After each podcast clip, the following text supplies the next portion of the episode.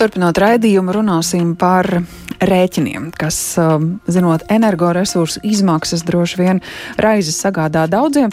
Tiesa valdība šodien ir atbilst, atbalstījusi papildu finansējumu piešķiršanu, lai atbalstītu iedzīvotājus un uzņēmumus energo cenu krīzē. Summa ir nedaudz virs 422 miljoniem eiro.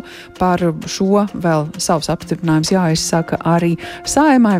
Tikmēr uh, pašvaldības ir piesardzīgas un uh, gatavojas parādnieku pieaugumam.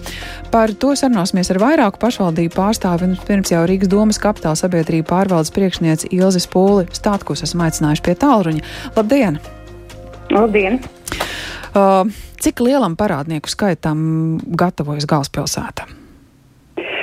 To ir ļoti grūti prognozēt, kā šī parāda dinamika augs, bet katrā gadījumā Rīgas valsts pilsētas pašvaldībai piedarošo kapitāldaļu turētāju pārstāvis, kas ir Rīgas pilsētas izpildirektors, līdzīgi jau uh, kā 20. gada pavasarī un 21. gada rudenī ir aicinājis gan Rīgas nama pārvaldnieku, gan Rīgas ūdeni, Rīgas siltumu uh, kā pakalpojumu sniedzējus uh, tātad šajā ekonomiski sarežģītajā situācijā pieņemt atbilstošus lēmumus un rīkoties sociāli atbildīgi, izvērtējot iespēju un vienlaikus nepārtraucot komunālo pakalpojumu sniegšanu apturēt līgumsodu un nokavējumu procentu aprēķinu.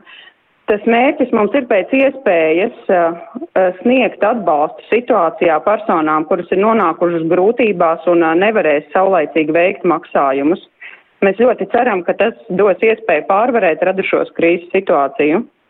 Nu, šīs cerības ir balstītas tajā pieredzē, kas veidojās Covid laikā. Tad arī bija krīze, cita veida krīze, kur arī daudziem cilvēkiem bija grūtības ar, ar rēķinu maksājumiem, un arī tad uh, netika rēķināta klāt kavējumu summa. Jā, tieši tā. Tā tad šobrīd jau mēs zinām, ka ir arī vasarā veidojies parāds par siltumu un ir prognozējums, ka ziemas periodā tas varētu pieaugt par 5 reizes summā, ja mēs ņemam vērā tarifu pieaugumu.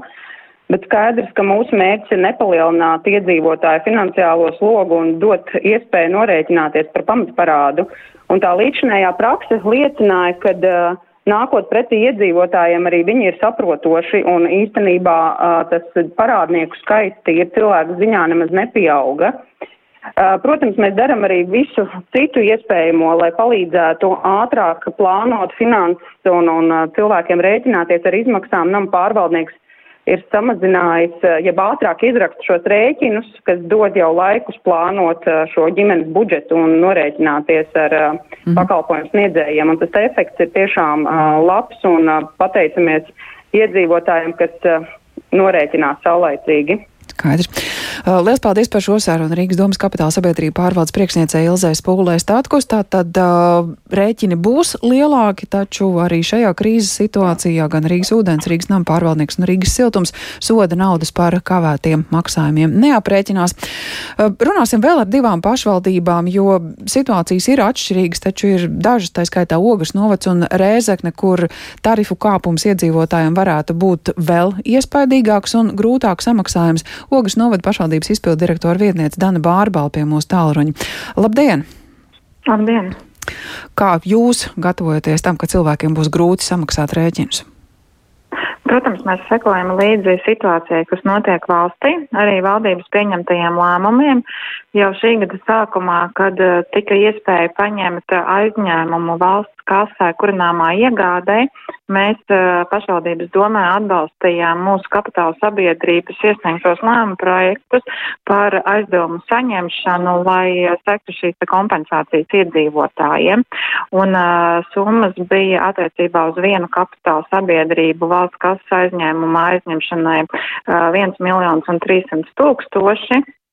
Un uh, arī otrai kapitāla sabiedrībai bija tātad uh, maksimālā šī summa, ko varēja saņemt, tad bija pozitīvs lēmums par to. Uh, šobrīd saprotot, kas notiek, uh, mēs sekosim līdzi un arī darīsim um, visu iespējamo, lai iedzīvotāju intereses tiktu maksimāli aizsargātas.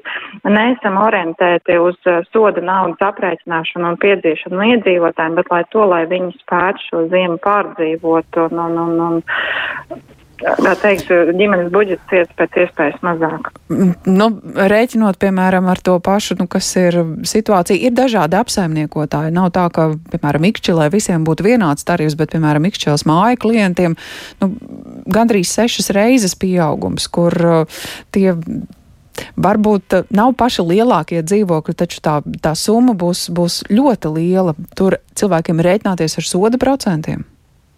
Šajā situācijā ir jāņem vērā mazliet vēsturiski izveidojusies situācija par alternatīvajiem arī apkuras pakalpojumiem, kur nav alternatīvā apkure līdz pagājušām gadam izveidota neikšķelē no lielvārdē, kas arī radīja šos ievērojumus sadādzinājumus, bet pagājuši gadu nekavējoties tika doma pieņēmusi lēmumu par alternatīvu apkuras sistēmas izveidi, un šobrīd aktīvi norit darbs, lai to nodrošinātu. Tā kā jaunās šķeldu katlamās tiks izveidotas uz nākamā gada sākuma, šobrīd arī mums uz ceturtdienas domas sēdiet jautājums par to, ka alternatīvais risinājums, kādēļ Ogres pilsētā, Ogres iedzīvotājiem ir zemāki tarifi, šis risinājums tiek pārdalīts arī uz Ikšķili un, un, un Lielvārdi. Kā rezultātā mēs varēsim samazināt šos tarifus pret šobrīd vispārējiem aprēķiniem pēc faktiskās tirgus situācijas. Tad Skaidrs. tiek meklēti risinājumi, mm. kā šos tarifus maksimāli samazināt. Jā.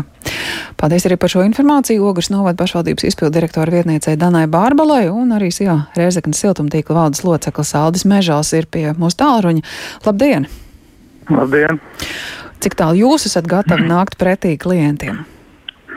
Nu, redziet, Reizeknas siltumtīkliem bišķiņa situācija ir savādāka, tāpēc, ka mums ir tieši no rēķina ar iedzīvotājiem, jā, mēs, mēs, teiksim, paši piestādām rēķinus un arī paši saņemam apmaksu šo rēķinu no iedzīvotājiem.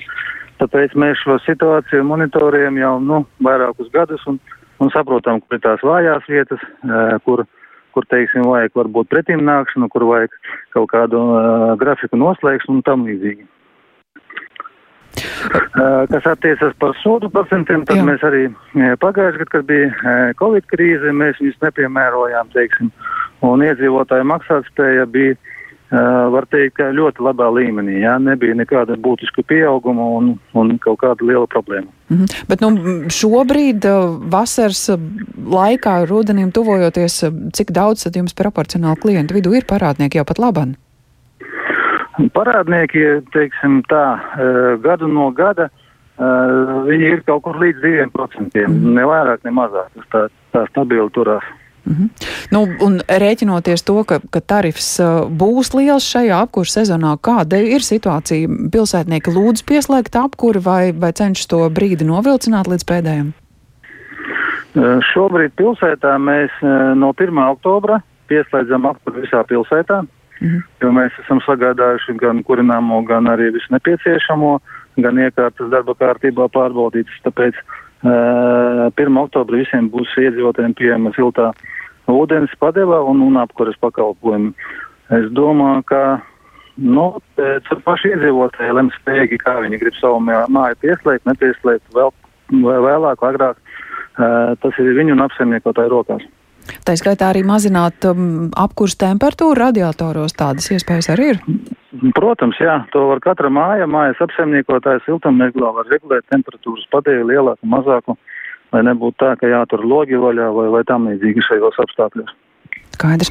Lielas paldies par šo sarunu. Jā, Rēzeknas siltumtīkla valdes loceklim Aldim Mežalam. Tātad uh, 1. oktobrs un Rēzeknē gatavi sākt apkuras sezonu.